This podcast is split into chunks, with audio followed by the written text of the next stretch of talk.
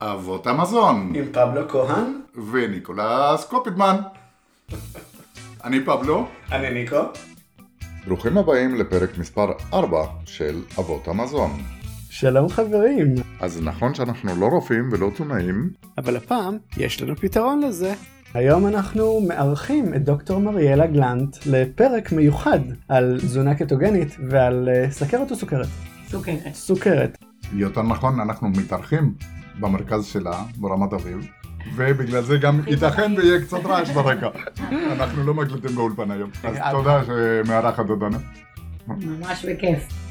למרות שאולי זה נשמע ככה, תזונה קטוגנית היא לא רק לארגנטינאים. I love it.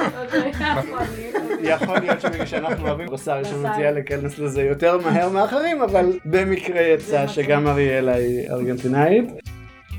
אז שנתחיל? נתחיל. יאללה. ג'ינגל ומתחילים.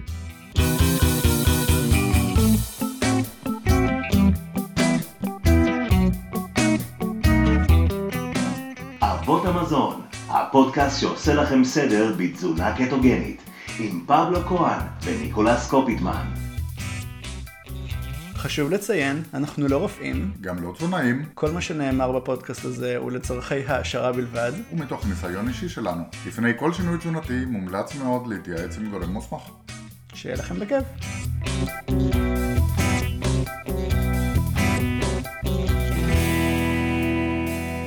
טוב, אז uh, מי זה דוקטור מריאלה גלנט? דוקטור גלנט היא אנדוקרינולוגית שמטפלת בפציינטים חולי סוכרת מזה 18 שנה. כן, לפחות. בעלת התמחות מאוניברסיטאות הרווארד וקולומביה. מריאלה הקימה ומנהלת את מרכז גלנט לטיפול בסכרת בתל אביב. בשנת 2016 החלה לטפל בחולי סוכרת באמצעות תזונה דלה בפחמימה, במטרה לסייע לפציינטים להחלים מתסמונת מטבולית. זה תיאור כן. קרוב למציאות? בהחלט. אז uh, מריאלה, מה שלומך? אני בסדר גמור, תודה, תודה שבאתם. בכיף גדול. ספרי לנו איך הגעת לתזונה דלה בפחמימה. וואי, היה לי מזל. היה לי שתי מטופלים ששלחו לי um, את הסרט ביוטיוב של uh, סרה הולברג, שמדברת uh, How to reverse diabetes by ignoring the guidelines, שפשוט הסתכלתי על זה ואמרתי וואו, יש משהו פה. משהו גדול שהתחלתי לקרוא ולקרוא ולקרוא ולקרוא לא הפסקתי לקרוא והבנתי שוואו איך איך לא ראיתי את זה קודם איך טיפלתי בסוכרת כל כך הרבה שנים בלי לדבר על תזונה ובלי להבין כלום בתזונה. כי ככה זה מה שלומדים. נכון לא היה לי שיעור אחד על תזונה בכל הלימודים שלנו אפס. מהמם. לשמוע.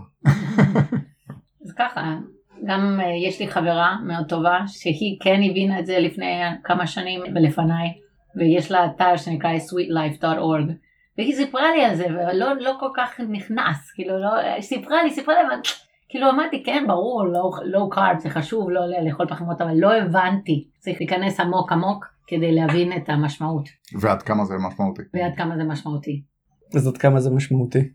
בשבילי זה before and after, you know, זה לפני ואחרי, כי ברגע שאתה מבין שאיך הבנתי את הסוכרת זה לא היה נכון, כל התמונה, זה לא רק סוכר גבוה, זה הדבר האחרון דווקא, זה מחלה הרבה יותר מורכבת ובגלל זה כל המחקרים שניסו להוריד את הסוכר בסוכרת סוג 2 לערכים נורמליים נכשלו. למה? כי לא הבינו כל התמונה. וזה אוקיי. טיפול בסימפטום האחרון. נכון, ולא אם בבעיה אתה באמת. מטפל בסימפטום, כמו זה לטפל ב- עם glimepiride או אינסולין, או, אז לא הבנו כל התמונה. וככה הייתי המון המון שנים. אז בואי נדבר שנייה על התמונה הזאת, כי אוקיי. בפרקים שעשינו עד עכשיו דיברנו בעיקר על תזונה קטוגנית ולא התמקדנו ספציפית בנושא של הסוכרת. את יכולה לתת לנו איזשהו סוג של הסבר ברגל וחצי של מה זה בעצם אומר? בעצם אני רואה סוכרת סוג 2 כמו מסר מהגוף, שאומר אין לי יותר מקום לסוכר. אז לכן הסוכר נשאר בדם. בדם זה בחוץ. אז, אז אם אנחנו הולכים אחורה קצת, מה, מה, קצת הסבר מה זה סוכרת סוג 2, נתחיל עם סוכרת סוג 2. אנחנו אוכלים שלושה סוגי מזון, חלבון, שומן ופחמימות. אלה אבות המזון. נכון, והפעם אנחנו שלושה. וכשאנחנו אוכלים שומן, כבר אה, אתם דיברתם על זה, אבל אה, כשאנחנו אוכלים שומן נכנס בלי בעיה מהדם לתאים, ואותו דבר עם חלבון פחות או יותר. אבל כשאנחנו אוכלים פחמימות, אפילו אם זה המולקולה הכי קטנה שיכול להיות, זה עדיין סוכר, זה עדיין גלוקוז, מולקולה גדולה, מאוד מאוד גדולה, שלא יכולה להיכנס לבד לתוך התאים. ולכן כדי להיכנס צריך או פעילות גופנית או אינסולין. ואינסולין בא מתאי בטא שהם תאים מדהימים, שיודעים בדיוק כמה צריך להפריש, שהכמות הנכונה תיכנס מהדם לתאים, הדם עוד פעם זה קורה לו עדיין בחוץ, זה כמו ההייווי, אוקיי, הדם. ואז הסוכר נכנס, התאים משתמשים במה שצריך, העודף הולך לכבד ונשמר בכבד כמשהו שנקרא גליקוגן. וגליקוגן, אין, אין הרבה מקום לגליקוגן, יש רק uh, אה, 100 גרם, משהו כזה, כמו שאמרתם, ולכן... אה, ממש הקשבת לפרק שלם? אני הקשבתי, אבל זה פשוט מצחיק, כי ככה אני מסבירה את זה. ולכן העודף הופך להיות שומן, וככה אנחנו שומעים על זה. עכשיו, לכל בן אדם יש את המספר תאי שומן שלו. יש אנשים שנולדים עם הרבה תאי שומן, ולכן הם יכולים להיות מאוד מאוד שמנים, ואין בעיה, מטאבולים. לא נוח, אבל הם יכולים להיות מאוד מאוד שמנים, אבל הבדיקות פרפקט, ממש מושלמים. זאת אומרת שלא כל בן אדם שמן יכול לסכרת. נכון. אוקיי. הרוב לא דווקא. אבל כן הרוב יהיה להם תנגודת לאינסולין, אוקיי? אז קודם כל, אם יש להם המון תאי שומן, אז הם יכולים להיות מאוד שמנים ואין להם תזמונת מטבולית. למה? כי הגוף לא צועק. יש אצלי מקום. אצלי מעולם לא היה סוכר גבוה, והייתי מאוד שמן. אבל אולי היה לך תזמונת מטבולית. כשאין הרבה תאי שומן, אז התאים מתחילים להתפוצץ, כאילו מתחת למיקרוסקופ הם נראים פשוט נפוחים, הם מפוחים ואין מקום. ולכן, מה קורה? אז מתחיל תנגודל אינסולין. א', מתחילים לשים שומן איפה שלא אמור להיות. This is called ectopic fat. שומן שנמצא בכבד. טריגליסרידים זה שומן שנספג. אין מקום בתאים של שומן ולכן נמצא בדם, או אפילו פאני פנקריאס, שומן בתוך הלבלב. לבלב, כבד, לב. נכון, לב בדיוק. בקיצור, המסר מתחיל להיות אל תביא עוד גרם של סוכר כי אין לנו מקום, וזה תנגודל אינסולין. ועכשיו זה סוג של מלחמה. הלבלב מפריש אינסולין, אבל הגוף לא רוצה לקבל את הסוכר. לכן עכשיו הלבלב עובד יותר קשה ויותר קשה, ובמשך שנים מה שקורה זה האינסולין מאוד מאוד גבוה, לא רק בזמן של אוכל, אלא גם בין ארוחות. כי עדיין יש הרבה סוכר בתוך הגוף שמסתובב. כן, איפה להכניס אותו. נכון. עכשיו, בינתיים הלבלב עובד טוב, אין סוכרת, יש רק תנגודל אינסולין, אבל אינסולין מאוד גבוה, וזה בין 60 ל-70 אחוז מהאמריקאים מבוגרים יש להם תנגודל אינסולין. אז אם אני בודקת את האינסולין זה מאוד מאוד גבוה, הסוכר בסדר, אבל אנחנו כבר התחלנו כל התהליך למחלות, כי הבסיס של המחלה כרוני פה זה אינסולין גבוה, לא סוכר גבוה. קראתי שזה מתחיל להתפתח אפילו עשר שנים לפני שהסוכר בכלל מאותת שהוא גבוה. זה בהחלט נכון. אז מה שקורה זה שאם יש לך תאי בטא טובים, כמו זה המקרה שלך, mm-hmm. אז לא אין לך סוכרת. תאי בטא בלבלב. בלבלב. אם אין לך תאי בטא טובים, שזה המקרה שלי. שלך, כי זה אבא שלך, זה, זה גנטיקה, כמה תאי בטא יש לך. תודה אבא. אז יש סוכרת. אז כמה הלבלב יכול לעבוד קשה ולפצות את התנגודל אינסולין, כאילו להתגבר על התנגודל אינסולין, תלוי בכמה תאי בטא יש לך. אם יש לך תאי בטא טובים, אז אין סוכרת. אם אין, אז מה זה סוכרת סוג 2? השילוב בין תנגודת לאינסולין ו... הספיקת ללבלב. בדיוק. ולא מספיק אינסולין מופש מהלבלב. ההסבר שלך הוא מאוד מאוד ברור ואני לא מצליח להבין אם ההבנה הזאת קיימת למה מאופן אוטומטי לא הבנו שכדי שלא נצטרך להפריש כל כך הרבה אינסולין מלכתחילה לא הוצאנו את כל הסוכר מהתפריט. אני גם שואלת לעצמי אותו דבר. זה ממש ממש obvious. אבל מה קרה? ההיסטוריה מאוד, uh, זה לא פשוט. אתם יודעים, ב-1950 התחולו כל השטויות, אני אגיד, עם הפחד משומן.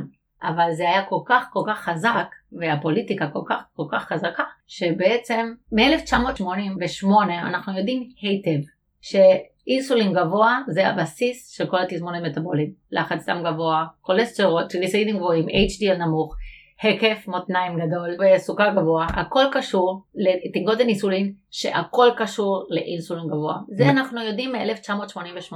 וואו. אבל היה obvious, היה ממש מובן מאליו שהדבר הבא זה להוריד את, ה, את הדבר שגורם לאינסולין גבוה, שזה פחמימות. אבל אוקיי, אם אני מורידה פחמימות, צריך לתת שומן, אבל שומן סותם את העורקים. Mm-hmm. אז, אז, אז American Diabetes Association Heart Association כולם החליטו שיותר חשוב לא לאכול שומן, לעומת לא לאכול פחמימות. וואו. ואז אפשר לראות, אתם דיברתם על פירמידת המזון שיצאה ב-1980, ומאז יש עלייה, ואפשר לראות בדיוק מתי הכל התחיל, כל המגפה. זה התחיל ב-1980 ואנחנו עדיין בזה. זה החמיר ב-1980, ראינו כבר את המגמה המתחילה כמה שנים לפני זה. דווקא האחוז של אוביסיטי בארצות הברית היה בערך עשרה אחוז, מאות, אוקיי? כאילו סנצ'וריז, אוקיי? היה ממש ממש ככה ופתאום התחיל לעלות. זה סכרת סוג 2. כן. מה זה סכרת סוג 1? סוכרת סוג 1 זה בדיוק ההפך. סוכרת סוג 1 חסר אינסולין. התאי בטא לא מפרישים אינסולין, זה לא עודף אינסולין כמו סוכרת סוג 2, פשוט אין אינסולין. אז הגוף מתבלבל, חושב שהתאי בטא הם זרים לגוף ותוקף אותם, ואז אין אינסולין. התוצאה זה שהסוכר גבוה, כי הסוכר לא יכול להיכנס מהדם לתה. ואין גדילה בגוף. כן, אבל רשות הגוף מתמוטט, כי בלי אינסולין, אינסולין זה משהו חיוני. נכון. צריך אינסולין. כי הגוף חייב בכל מקרה גלוקוז בגוף, לא משנה... זו שאלה מעניינת, אוקיי? אינסולין זה הורמון של הגירה. כדי לגדול צריך קצת אינסולין. אם אין אינסולין הכל מתפרק, כל השומן מתפרק בצורה בלתי נשלט, like in an uncontrolled way. אז השומן פשוט, מה שגורם לשומן להיות יציב זה המשחק בין כשאנחנו אוכלים, אפילו אם זה רק חלבון, בוא נגיד הדיאטה הכי אקסטרים זה חלבון ושומן בלי שום פחמימה. אקסטרים מאוד, אני לא, מכיר, אני לא מכיר אנשים שאוכלים ככה. לא, בוא נגיד הקרניבורים. יש שניים לפחות בחדר לא, הזה. אבל אני מדברת על קרניבורים קטוגנים. כן.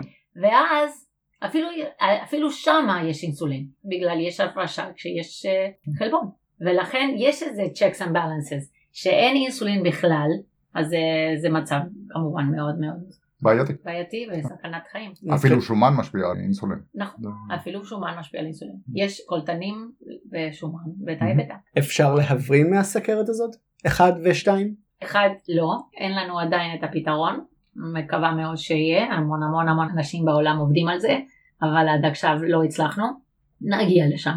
וסוכרת סוג 2 זה הרבה יותר קל לטפל בזה, כי ברגע שאתה מוריד את הגורם העיקרי, שזה סוכר או פחמימות, אז הגוף אומר אוקיי, התאים של שומן מתחילים להירגע, התאים גודל אינסולין יורדת, והכל מתחיל להיות בסדר. סוג של אלרגיה. סוג של אלרגיה לפחמימות, בדיוק. בדיוק ככה אני אומרת את זה. גם אני, אלרגיה לפחמימות.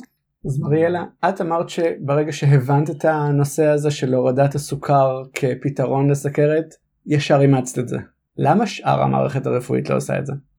תשמע, אני קודם כל ניסיתי את זה על עצמי ועל בעלי, ולא ישר עשיתי את זה. לקח לי אולי שישה חודשים של מחקר לעצמי, ופשוט קראתי ספר אחרי ספר, אצטרה, לפני שהרגשתי שאני יכולה לעשות את זה על מטופלים. כי זה באמת שונה ממה שלמדנו. המערכת לא מבין את הקונספט של ketosis. חושב ש ketosis ו ketoacidosis זה אותו דבר, כמעט דיברנו על זה בדיוק. הרבה הרבה אפילו רופאים חושבים את זה. והפחד משומן זה כל כך גדול, וזה נשמע כל כך קיצוני, שזה משהו מאוד מאוד זר לרופאים. אני מבינה אותם, אני מבינה למה עד שאתה לא נכנס עמוק לנושא, mm-hmm. זה מפחיד. נכון. ו- וזאת הסיבה. כן, כן, לא, לא קרב, זה, זה הגיוני, זה הגיוני, אבל עד שאתה לא מבין שאתה לא מתחיל להשתמש בשומן שלך עד שאין פחמימות ברקע, אתה לא מבין למה זה on-off switch. אתה לא מבין שצריך להיות קיצוני כדי להתחיל להשתמש בשומן כדלק. צריך להיכנס לזה עד הסוף. אם אתה לא עושה את זה עד הסוף, אתה, אתה עושה את זה כאילו halfway, חצי, חצי הדרך, ואתה לא מרוויח מזה. אתה לא רואה את התוצאות, וזה אחד מהבעיות ש, ש, שהרופאים גם לא מבינים שצריך ללכת עד, על, עם זה all the way. ואז אנחנו רואים, וואו, ה-CRP יורד, כל ה-inflammatory markers, סממני דלקת מתחילים לרדת, והכבד שומני נעלם. תוך עניין של שבועיים. נכון. הטריגליצרידים לא פשוט, אוקיי? בהתחלה יכולים לעלות, אחר כך לרדת. ולמה הטריגליצרידים עולים? הגוף מתפרק את השומן שלו, את העודף שומן.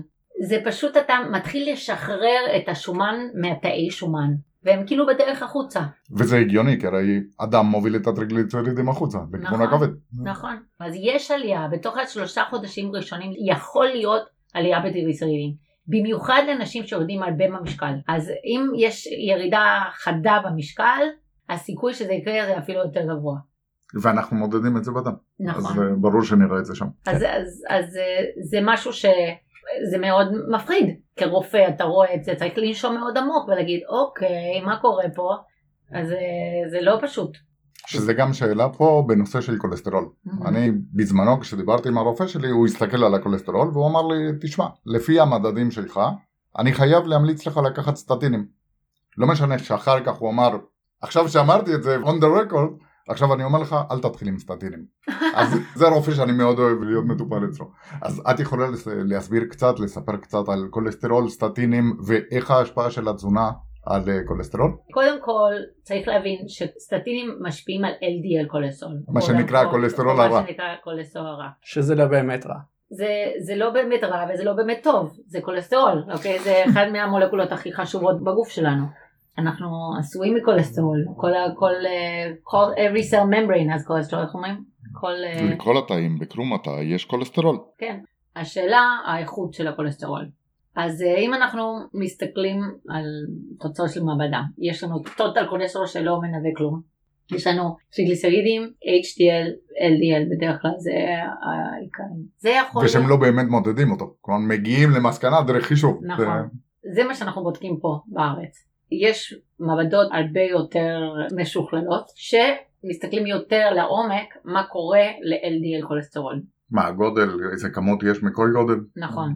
כי מה למדנו? למדנו שהסיכון להתקף לב הרבה יותר קשור לגודל של LDL וכמה הוא מחומצן לעומת המספר LDL שבקושי יש לו השפעה על, על התקף לב.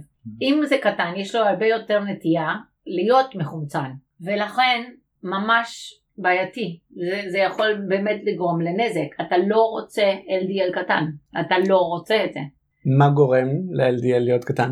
תנגוד אינסולין סוכר.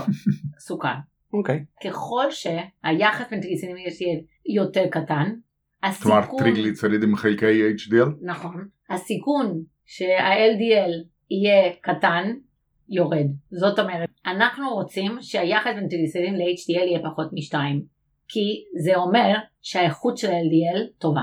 מה זאת אומרת טובה? פלאפי וגדול ויפה.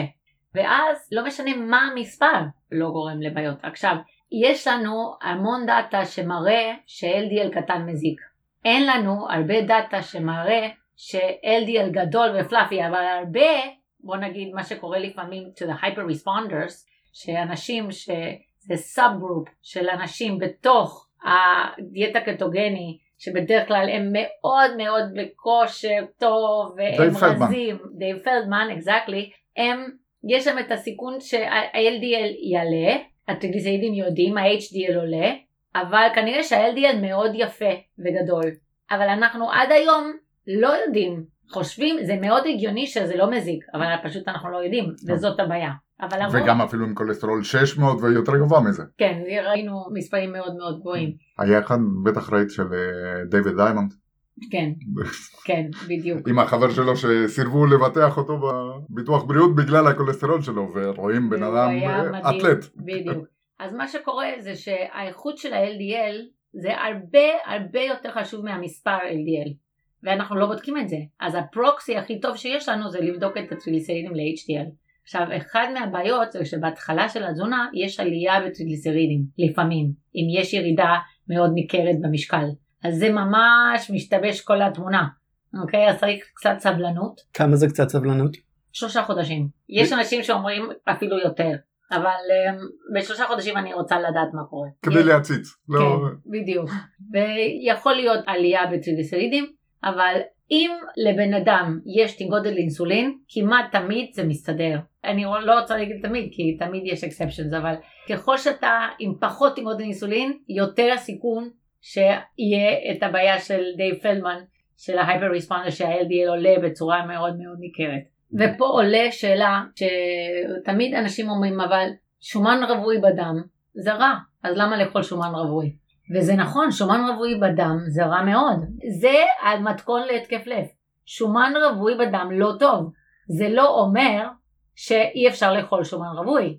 דווקא ככל שאנחנו אוכלים יותר שומן רווי ופחות סוכר, אז אנחנו יותר יעילים, אנחנו יודעים יותר טוב איך להשתמש בשומן, ולכן זה גורם לירידה בשומן רווי בדם. אז רגע, אני רק רוצה לחדד, את אומרת לאכול שומן רווי או לא לאכול שומן רווי? אני אומרת כן, ככל שאתה אוכל יותר שומן רווי, שומן אמיתי, אז אנחנו יותר טובים, יותר יעילים, אנחנו יודעים איך להתמודד עם זה, אבל כמובן בלי פחמימות ברקע. כי אחרת הרסת את הכל. נכון, כי מה קורה? הגוף, כמו שאמרנו בהתחלה, אין לו מקום לאחסן פחמימות, ולכן תמיד תמיד הוא משתמש קודם כל בפחמימות. אז הוא לא התחיל להשתמש בשומן אם עדיין יש פחמימות בדם. לאכול שומן רווי לא גורם לשומן רווי בדם. זה מה שקורה. זה אנשים לא מבינים את זה. זה כמו, אני אומרת, לאכול ברוקולי לא הופך אותך להיות ירוק. כשהגוף אוכל סוכר ושומן ביחד, תמיד, תמיד הוא ישתמש קודם כל בסוכר. אבל בגלל כל הזמן אנחנו אוכלים סוכר, אנחנו לא מגיעים להשתמש בשומן. אז כדי להגיע ל- ל- ל- להשתמש בשומן כדלק, צריך קודם כל להוריד כל הסוכר וכל הפחמימות, אז רק אז אנחנו מתחילים להשתמש בשומן כדלק. ככל שאנחנו אוכלים יותר שומן ופחות פחמימות, הגוף לומד, וואו, הוא, בק... הוא, הוא הופך להיות הרבה יותר יעיל בשימוש של שומנים, ולכן השומנים יורדים בדם, וזה מה שקורה בדיאטה הקטוגנית. אנחנו אוכלים הרבה שומן, אבל מה קורה לטריגליצרינים? טריגליצרינים זה שומן רווי בדם, יורדים. רק בהתחלה יש עלייה קטנה, אבל... או עלייה גדולה. כן, אבל הרוב יורד, יורד, יורד. וככל שיש יותר גודל אינסולין ויותר סוכרת, יותר יורד. איזה שומן הוא שומן טוב לאכול? אני אומרת, אם אתה יכול לדמיין את השומן, אתה יכול לאכול אותו. אם אתה לא יכול לדמיין אותו, אז לא לאכול, אוקיי? מאיפה בא קנולה? איזה, איזה, מה זה קנולה? אוקיי? מאיפה בא שמן חמניות? מאיפה, איך יוצא, מאיפה, מ- אני לא יכולה לדמיין את זה, אוקיי? כדי להוציא שמן מגרעין, מגרעינים חלמניות, צריך לעבור תהליך כל כך, כל כך טוקסיק, אוקיי? רעיל. רעיל, שזה לא משהו אמיתי, זה לא משהו אמיתי, וזה לא רק מחמצן את, ה, את השומן עצמו, גם מחמצן אותנו. אז אני מאוד נגד שמן חמניות, סויה, קנולה, כמה שפחות. זה, זה כמעט בלתי אפשרי היום לאכול ככה, אבל זה, צריך לשים הרבה הרבה לב לזה, לעניין הזה. כי המון אוכל מתועש משתמשים דווקא בשמנים הפשוטים האלה. נכון. אבל והמזיקים. זה מאוד מטה, אוקיי? כי אנחנו שמן צמחי, זה נשמע כל כך טוב, אוקיי? אבל שומן אמיתי כמו חמאה, שומן כמו שמן קוקוס, שומן כמו שאתה יכול לדמיין מאיפה בא שמן זית. ושומן של הפרות, אוקיי? זה שומן בקר, שומן מהסאדו, מאנטריקוט. שומן בקר, ואני לא אוכלת הרבה שומן דרך אגב, אבל אה, אף בישן ארגנטינאי, אבל... לא, שומן זה חשוב לאכול בהתחלה, כדי להרגיל את הגוף לזה, אבל אחרי. שעברת את זה, זה כשהגוף כבר מותאם לשומן, נכון. והוא יודע להשתמש בשומן שאנחנו אוגרים. נכון, אבל אה, כדי להתחיל השומן זה חובה. השאלה הזאת דווקא מובילה אותי להבדל בין הקבוצות הישראליות לאמריקאיות. בקבוצות הישראליות מקפידים מאוד על תזונה שהיא פליאו-קטוגנית, לעומת קבוצות אמריקאיות שמאוד מקלות ומרשות לעצמן לעודד מה שנקרא junk keto, נקרא לזה כן, כל ככה. מיני תחליפים. כל מיני תחליפים למיניהם ובתוך זה יש הרבה מאוד שומן אה, מתועש. מה ההבדל ביניהם? אני אומרת כמה שפחות דברים מלאכותיים. אוקיי? זה, אני, בשבילי זה משהו מאוד קריטי ואני אגיד לכם למה. כל התחליפי סוכר, כמו שאתמול מטופל שלח לי מארצות הברית, אני יכול לאכול את זה? זה היה מעט. זה מותר? כן. אז אה, אמרתי לו, תשמע, אתה יכול, אבל מה קורה? כשאנחנו אוכלים ממתקים מלאכותיים, זה ממשיך את ההתמכרות לסוכר. זה עובד במוח באותו מקום כמו סמים. אנחנו ממשיכים לרצות לאכול מתוק. אז בגלל זה אנחנו לא מגיעים לשובע שיש כשאתה לא אוכל את זה. ואז זה קשה וחייבים כוח רצון כדי לעמוד בתזונה. נכון. במקום שזה יבוא באופן טבעי. נכון. אז בגלל זה אני ממש לא אוהבת ממתקים מלאכותיים. אני אומרת, אני מעדיפה לא לאכול את זה, או לאכול שוקולד מריר עם קצת סוכר, אבל ממש קצת, ואז אתה, אתה לא משחק אה, משחקים עם המוח. עכשיו יש עוד סיבות שזה לא טוב לאכול, גם למייקרוביום, אבל בתכלס בשבילי, כי אני חושבת שהדאטה למייקרוביום ולמחלות כמו קאנסר, עדיין זה לא יצא הכל, יש לנו הרבה מה לחקור לפני שאני יכולה להגיד את זה בוודאות, אבל אני יכולה להגיד שאני רואה גם בקליניקה, שאני מורידה את הממתקים מלאכותיים, הדיאטה הופכת להיות הרבה יותר קלה. וזה בנושא של הרזייה, בנושא של בריאות. כי הרזייה זה סייד אפקט, זה תופעת לוואי של השגת בריאות דרך התזונה. התזונה הזאת היא מתאימה לכולם? שאלה טובה. בתיאוריה כן, אין דבר כזה carbohydrate deficiency, אין דבר כזה מחסור בפחמימות, אין דבר כזה. אז אני לא רואה סיבה, אבל אני אגיד שאני אישית לא מטפלת בנשים בהיריון עם הדיאטה קטוגנית, פשוט לא מרגישה שיש לי מספיק ידע כדי לעשות את זה. כן לואו קארב, אבל קטוגני לא. גם ילדים שעושים את הדיאטה עד הסוף לאפילפסיה, צריך לנטר את הגדילה, כי כן אינסולין זה חשוב לגדילה. היום לילדים מסוכרת סוג אחד שעושים את התזונה לא צריך להיות כל כך קיצוני כמו שבאפילפסיה. אפשר לעשות את זה קצת יותר מתון ואין שום בעיה של גדילה. לסוכרת סוג אחד כן נותנת את התזונה ואני רואה תוצאות מדהימות. כמובן לא מרפא את המצב אבל אתה יוצא מהרכבת הרים ואתה במקום הרבה יותר יציב, הרבה יותר פרדיקטובל. מאוזן וצפוי. כן, וצפוי. הרבה יותר. ויש לך שליטה, כי עוד פעם, מה שגורם לעלייה בסוכר זה לאכול סוכר. כמה מפתיע. כן. זה ברנשטיין הבין את זה לבד לפני הרבה הרבה שנים. דיברת על הבדל בין תזונה קטוגנית לבין לואו קארב. איך את רואה את ההבדל בין, כלומר, איפה שמים את הגבול בין מה זה לואו קארב ומה זה קטו? שאלה קשה. אני חושבת שהמטרה שלי, שאני ממש רוצה להפיך את הסוכרת, להוריד במשקל, אני הולכת על 20 גרם, פחות מ-20 גרם ליום. כשאני רוצה להיות פחות קשוחה, אני הולכת על 50. אבל האמת, למזלי יש לי שתי דיאטניות מדהימות, עדינה ולובה, אבל אני לא סופרת, כי אני חושבת שזה, it's a burden in life to be counting all the time, כאילו זה, זה קשה, זה קשה כל נכון. הזמן לחשוב על מספרים, אני כן, זה, לא זה, סיימנו. תאכל אוכל אמיתי ואז אין צורך ואז- לספור שום דבר. נכון. לפני כמה ימים היה דיון באחת מהקבוצות בפייסבוק על מהי בעצם הסיבה להשמנה, האם זה האינסולין או האוכל שאנחנו אוכלים. יש דרך לדעת את זה? זה קשור, האינסולין עולה בגלל האוכל שאנחנו אוכלים. אז uh, תשמעו, אנחנו יודעים שגרי טובס, יש לו ספרים על זה, ממש, הוא מסביר את זה so beautifully, ממש יפה. מה שאנחנו מבינים היום זה שאנחנו יודעים איך לספור קלוריות, והיה מאוד נוח להגיד שהשמנה באה מעודף קלוריות, וכל התיאוריה של calories in, calories out, נשמע בסדר אם אתה לא מסתכל one inch למטה, אוקיי? אבל בוא נגיד שאתה מוריד את הקלוריות שנכנסות לגוף, הקלוריות שהגוף מוציא, גם יודעים. הגוף מרגיש מצוקה, משהו קורה פה. כמו שאם אנחנו מרוויחים אלף יורו לחודש, ואנחנו מוציאים אלף יורו לחודש, הלוואי וזה היה ככה. פתאום אם יש 500 אתה לא ממשיך להוציא אלף. או כשאתה נוסע עם האוטו ונדלק לך האור שאין לך דלק, אתה מכבה את המזגן ואתה לא נוסע מהר כדי לנסות לחסוך כמה שאתה מוציא כדי להגיע לתחנת דלק שאתה לא יודע מתי היא תגיע. נכון, דרך אחר להסתכל על זה. אז התיאוריה גרם להרבה הרבה תסכול, כי אנשים ירדו בקלוריות, הלכו לחדר כושר ועשו הכל כדי לשרוף קלוריות, והמשקל לא זז בכלל, הרבה הרבה פעמים, וגם התמותה דרך אגב, זה מה שראינו עם ה-look ahead trial, שעקבו אחרי אנשים עשר שנים ולא קרה כלום. הם על דיאטות ופעילות גופנית ואין אין שום הבדל בתמותה. ובפעילות גופנית שורפים בעיקר אה, גליקוגן, לא שורפים שומן. כמות השומן ששורפים בשינה ובריצה זה כמעט אותו דבר. אז זהו, בדיוק. משקל זה משהו כל כך חשוב, כל כך קריטי, שזה לא, בש... זה לא בידיים שלנו, זה משהו הורמונלי. אנחנו לא מחליטים אם אנחנו רעבים או לא. מה שקובע את המשקל שלנו זה אינסולין, נקודה. יש הרבה דברים שמעלים אינסולין, כמו למשל לא לישון, להיות בסטרס נפשי, לאכול פחמימות, כל זה עלי אינסולין. כל זה הם דברים שגורמים לעלייה במשקל. להיות בהיריון, זה גורם לעליית אינסולין, ואנחנו מעלים במשקל. זהו. כשאין אינסולין, סוכרת סוג אחד, הדוגמה הכי יפה, יש ירידה באינסולין, יש ירידה במשקל. אני נותנת למישהו אינסולין, זה הדרך הכי טובה לעלות במשקל.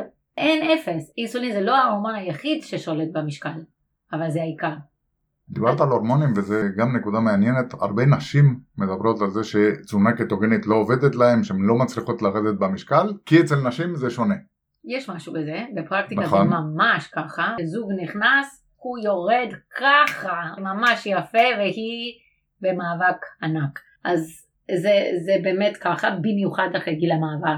מהמם. אוקיי, אז יש משהו עם הירידה באסטרוג'ן שגורם למאבק להיות הרבה יותר קשה. מה לגבי הסוכר שלהם אבל? משתפר יפה מאוד. זאת אומרת זה שהם רק לא, על ירידה במשקל. זה לא שהתזונה לא עובדת להם, הם לא מקבלות את אותן תופעות לוואי שהגברים מגיעים אליהם, אבל זה עדיין עושה בתוך הגוף את מה שהתזונה אמורה לעשות. גם ראיתי שאצל חלק מאותן נשים, אחרי כתשעה חודשים עד שנה, הן מצמצמות את הפער מול הגברים בירידה במשקל. הבעיה זה שלא כולן מתמידות עד אז, ובדרך כלל יש המון תסכול עד שמגיעים נכון, לשלב הזה. אבסולוטלי, זה ממש מתסכל, אבל בגלל זה למדוד את ההתקף מותניים זה נורא נורא חשוב, בגלל יש שינויים שם ואומרות שפתאום נכנסות לבגדים שלא התאימו להם שנים ופתאום הם כן יכולים ללבוש. אצלי היו תקופות שזה היה ממש מוזר, כאילו יש כמה שבועות שיורד במשקל והכל נראה אותו דבר, ופתאום המשקל נעצר אבל הבגדים נופלים. נכון, זה זה ממש ככה. ממש מדהים.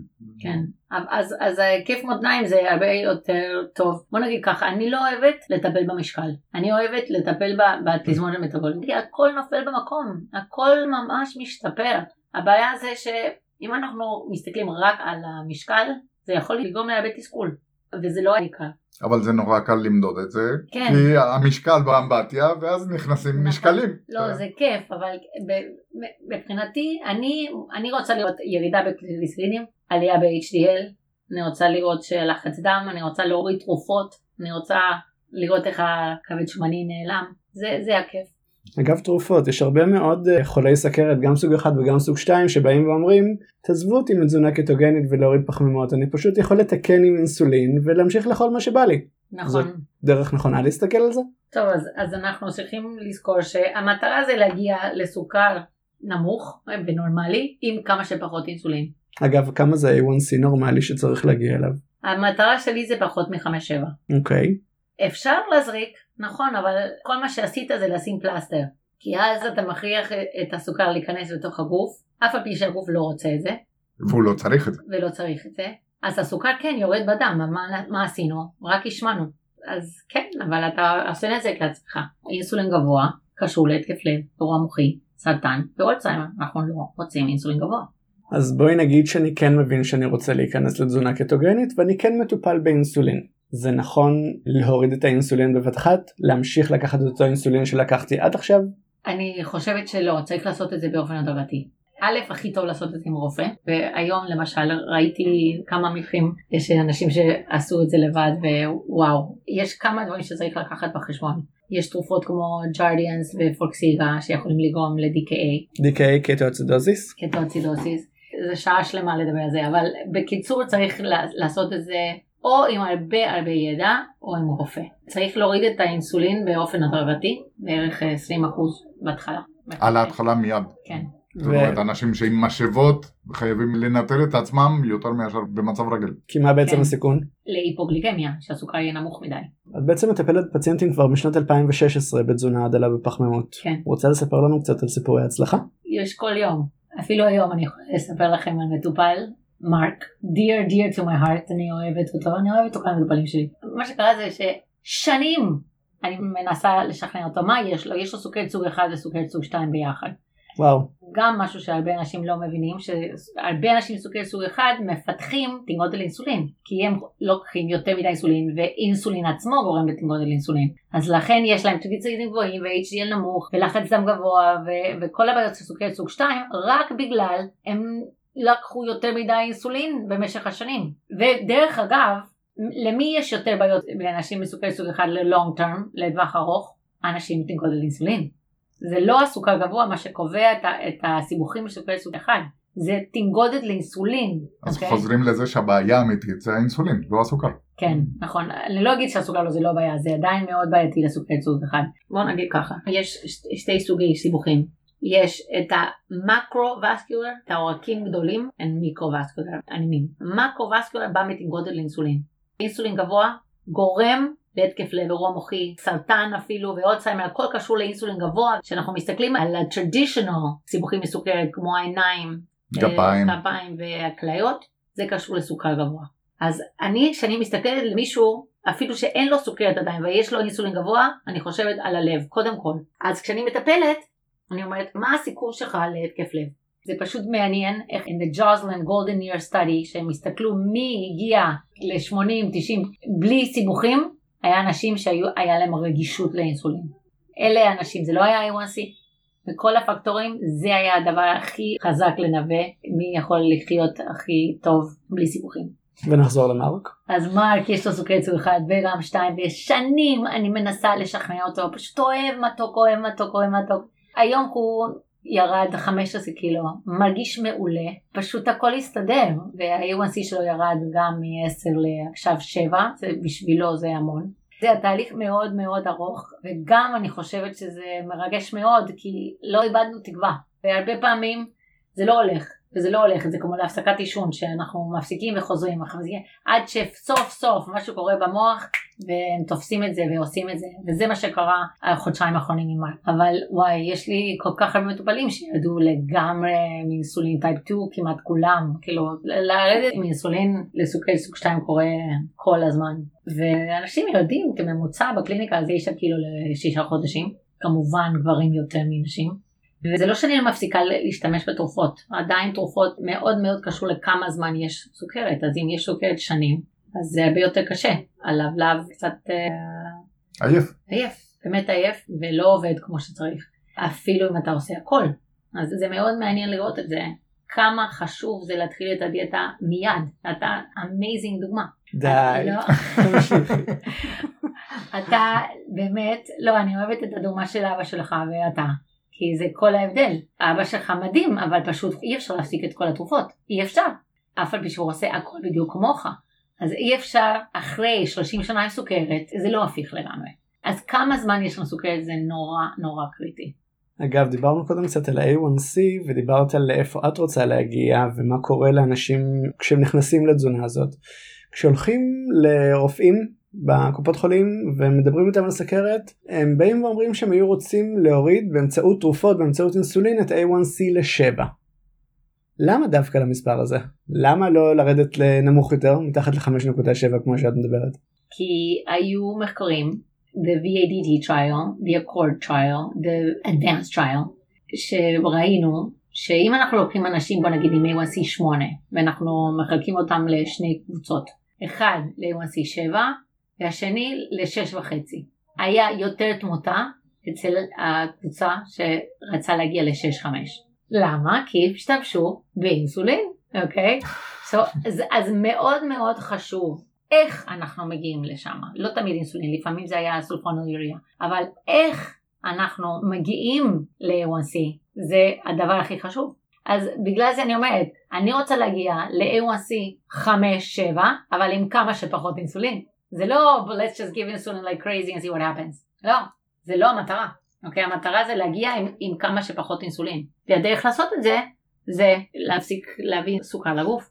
איזה שאלות את מקבלת כשפציינטים חדשים מגיעים לפה ושומעים על הדרך המטורפת הזאת של להוריד פחמימות כפתרון לסוכרת? א', אני אומרת, אי אפשר להוריד פחמות אם אנחנו לא מעלים שומן.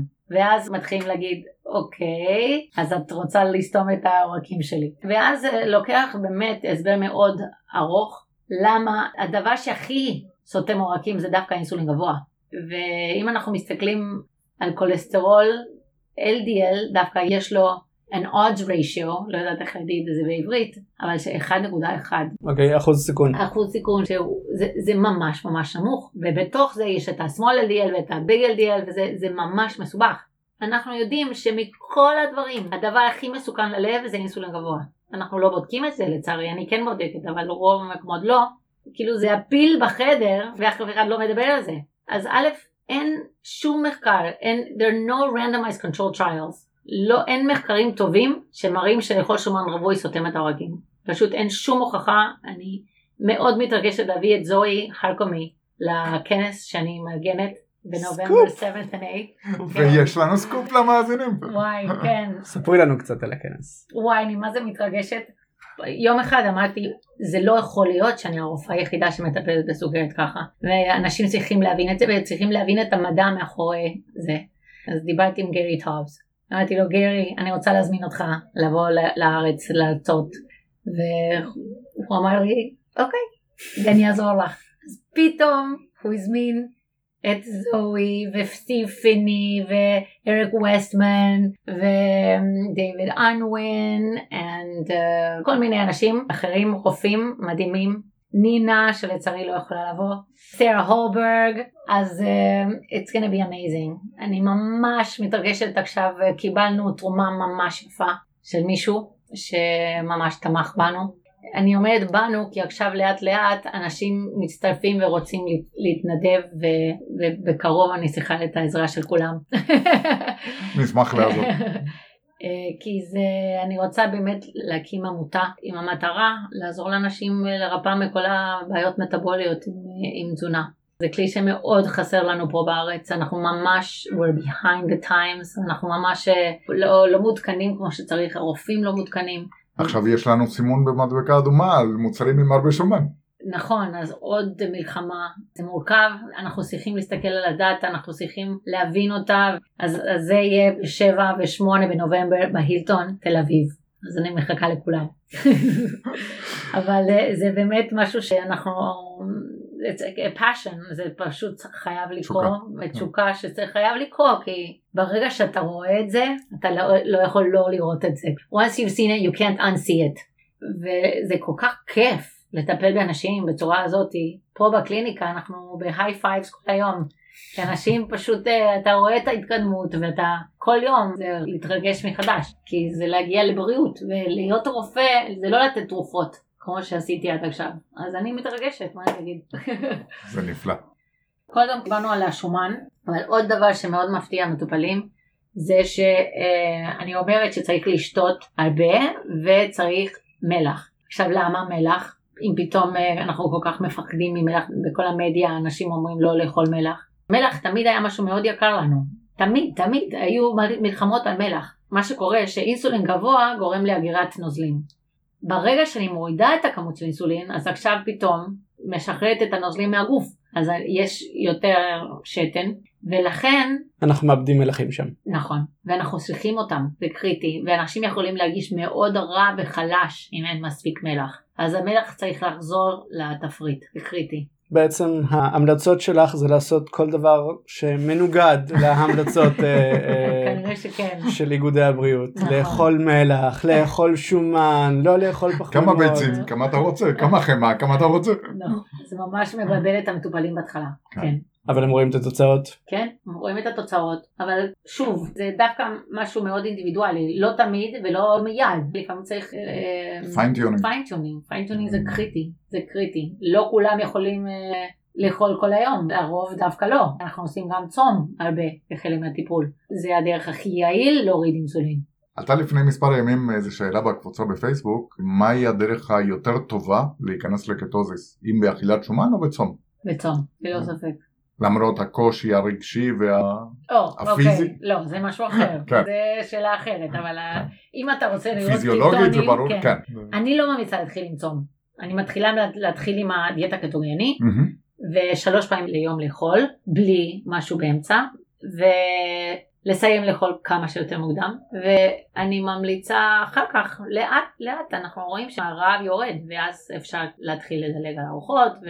צום לסירוגין. למרות שאת בעצם כן ממליצה על צום לסירוגין אם את אומרת לסיים את הארוחה האחרונה כמה שיותר מוקדם כדי בעצם לייצר מצב בין הארוחה האחרונה ליום לארוחה הבאה את כן מייצרת איזשהו פער של כמה 12 13 14 שעות. נכון אבל אם אני קוראת את זה צום זה קצת מפחיד בהתחלה. נכון. אז הכל עניין של איך אה, משווקים את. העניין הזה. כן לגמרי. מה בנושא האנשים שנהנים במרכאות מ-cheat days? זה הימים שאו פעם בשבוע בא לי איזה קינוח, פעם בשבוע אני אוכל איזה מאפה. ואיך זה משפיע עלינו והאם זה עוזר לדעתך להמשיך בתזונה? וואי איזה שאלה. זה א' מאוד אינדיבידואלי, יש אנשים שהם מכורים, מכורים למתוק. ואז אני חייבת להיות סופר קיצוני. אין, אין, אין uh, קצת, אין cheat day, כי זה all or nothing, it's like a smoker. Mm-hmm. אז, אז צריך להיות טוטאלי. אבל יש אנשים שתלוי במצב, במצב מאוד קל, ופעם ב...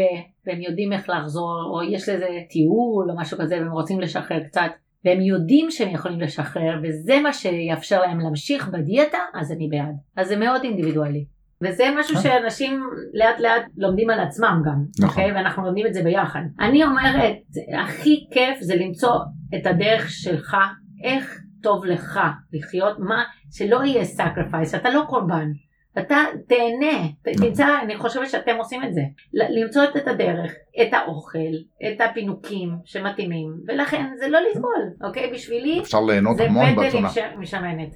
וכך אני סופר שמחה פעמיים בשבוע. זה, או שוקולד מריר. זה, זה מה שגורם לי לא לחשוב פעמיים שזה הדרך שלי. אבל כל אחד צריך את זה משהו ברגע של חולשה, ואז אה, צריך לדעת להתכונן לזה. צריך להתכונן לזה. ומה ההשפעה הפיזיולוגית של אותם צ'יטים? אה, זה יכול להיות גרוע. א', אנחנו הרבה יותר רגישים עכשיו לסוכר, אז העלייה בסוכר יכול להיות משמעותי, וגם זה יוציא אותנו מקיטוסיס, שלוש ימים, ארבע ימים, לפעמים שבוע, תלוי ממש בבן אדם. אני אומרת, זה אורח חיים. כמו שאמרנו, אנחנו אלרגיים לפחמימות, אין מה לעשות, אני, אני לא, אני רק עושה את זה לכיף. כי בשבילי, וואי, אני מרגישה מעולה בתזונה הזאת. כן, התחושה הפיזית בתזונה היא פשוט עולם אחר. עד שלא נמצאים שם לא, לא מבינים את זה. וגם משוחרר מהתלות לאוכל, ואתה יכול להחליט מתי אתה אוכל. שזה כיף לא נורמלי. כן, זה, זה, זה העיקר. אבל אה, לא, כמובן אני התחלתי לעשות את זה בשביל המטופלים, כדי להבין מה, ש... על מה אני מדברת. אבל אה, בעלי גם אוכל ככה, כמעט כולם במרכז אוכלים ככה. זה, צריך להבין את זה על העומק, וצריך להבין את היתרונות והחסרונות. והחסרונות, כן. בוא נדבר קצת על חסרונות. א', אתה מוגבל, זה אולי התלונות הכי נפוצות. אתה הופך להיות הבן אדם שבמסעדה מעצבן, שאתה לא רוצה לחשוב על זה יותר מדי ופתאום אתה צריך, זה דבר אחד. חוץ מזה, בהתחלה אנשים מתלוננים על אה, רע בפה, יכול להיות פריחה בגוף, יכול להיות חולשה בהתחלה, יש המון דברים בהתחלה, זה לוקח זמן, הגוף יודע איך להשתמש בסוכר, לא יודע איך להשתמש בשומן, צריך ללמד אותו, זה לוקח בערך שבועיים, שלוש, עד שהגוף חוזר לעצמו, אחר כך הוא מרגיש הרבה יותר טוב, אבל בשבועיים הראשונים האלה זה קשה מאוד. במיוחד צריך לא לשכוח לשתות את המרק צח ו- ואת המלח בהתחלה, כי זה מאוד קריטי להעברה. אבל אני חושבת שזה אחד מהבעיות, שההתחלה זה דורש הרבה כוח וצריך נחישות בהתחלה. אחרת זה נורא קל להגיד "אה, לא בא לי. בגלל הרגשה כללית, הסביבה, כולם נגדי, מה את אוכלת, מה זה, אז זה גם יכול להשפיע. אבל סך הכל, אני חושבת שצריך מעקב גם אה, בבדיקות דם, לחץ דם, צריך להיות עם יד הדופק. אני חושבת שאי אפשר להתחיל ולשחרר לגמרי. מה באמת קורה במשפחות שהפציינטים נכנסים לתזונה הזאת אבל המשפחה לאו דווקא תומכת או לאו דווקא נכנסת יחד איתו? נורא קשה, נורא קשה. בגלל, אה, יש איזו מלחמה פנימית. נכון. זה עניין של או אני מאמינה לך או אני מאמינה להם. וזה מעייף המטופל. בסוף בדרך כלל מפסיקים. כי ש- הרי ידוע ששומן הוא בעייתי, כולם יודעים, אז מה הרופאה הזאת יודעת? מה שאני הכי אוהבת, ש- שאם יש דבר כזה, אני אומרת, תגיד לאשתך לבוא. וככה, הם צריכים לשמוע את זה. זה נורא נכון. נורא חשוב, אחרת, אחרת זה לא עובד.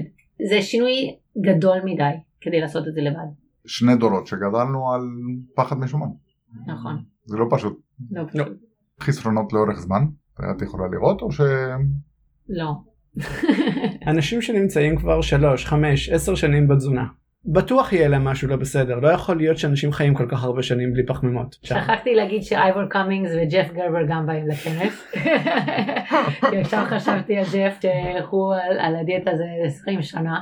ויש לו קלסיום סקור מדהים, מהמם. אפס, ומרגישים טוב, מרגישים on top of the world. אבל זה בן אדם אחד, אני מדבר איתך עכשיו על מסות של אנשים שמורידים עכשיו פחמימות. אין לנו את, את ה-20 שנה, אין לנו. אפשר רק לסמוך על האבולוציה, אבל עובדה שאין לי, אין לי את זה. אני הולכת עם הכי טוב שאני מכירה, אבל אני יודעת שהמודל הקיים לא עובד. אז זה, זה נראה לי הרבה יותר טוב. וכן היו מעקבים של אה, אטקינס ו... כן, אבל אנחנו מדברים על קטו. כאילו אנחנו מדברים על הארדקור, נכון. היי פאט, ואנחנו באמת נכון. לא יודעים. זאת האמת. אנחנו לא יודעים, אבל אני אומרת, לחכות עד שיהיה לנו את המחקר הזה, כי לא יהיה. כי גם אין אינטרס לעשות מחקר כזה. אני רוצה רגע להקשות. תזונה קטוגנית מתייחסים אליה כאל טרנד. זו הדיאטה שעושים הכוכבות בארצות הברית, זה הדיאטה הזאת שמורידים את כל הפחמימות ויורדים במשקל נורא מהר. כל חודשיים, שלושה, שנה, שנתיים, יש איזשהו טרנד חדש. זה באמת זה או שזה משהו אחר? הדיאטה הזאת תמיד חוזרת, כי זה עובד.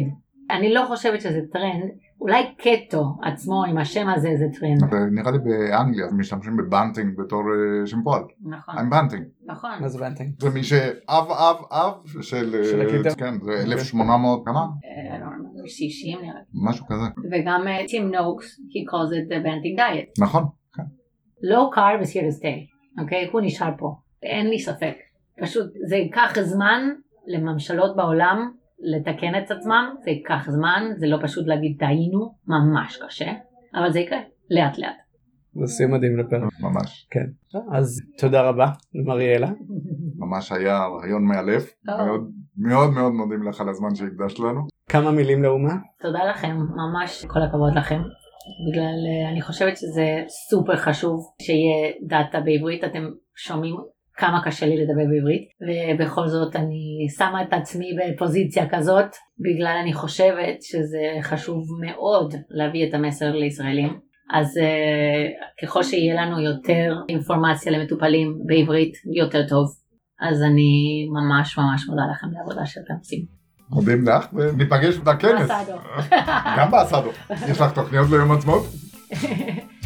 אפשר לסגור את הפרק. ולהתכונן לפרקים הבאים. אנחנו מזמינים אתכם לשתף את הפרקים, לשלוח לנו פידבקים, להגיד לנו איזה נושאים הייתם רוצים שאנחנו נדבר עליהם בפרקים הבאים. שדרך אגב, יש לנו דף פייסבוק בשם אבות המזון. אתם יכולים לחפש אבות המזון בעברית או באנגלית ולהגיע לדף שלנו. אבות המזון. בדף הזה אנחנו מפרסמים פוסט עבור כל פרק נשמח לדיון על כל אחד מהפרקים האלה. ובשאיפה שאם עולות שאלות, תגובות, הערות לגבי פרק ספציפי, תוכלו להגיב בפוסט של הפרק עצמו. מצפים לדיון איתכם, ראינו שכבר התחילו מספר דיונים לפרקים הקודמים, אז אנחנו מאוד שמחים שאתם לא רק מאזינים לנו, אלא שאנחנו יכולים לנהל איתכם דו-שיח, אמנם בכתוב על פני הדף פייסבוק, אבל דו-שיח בכל זאת. אז חברים, תודה שהאזנתם. מקווים שנהנתם, אנחנו היינו פבלו, וניקו, אנחנו אבות המזון. מקווים שנהנתם, ונתראה בפרקים הבאים. ביי ביי. ביי ביי.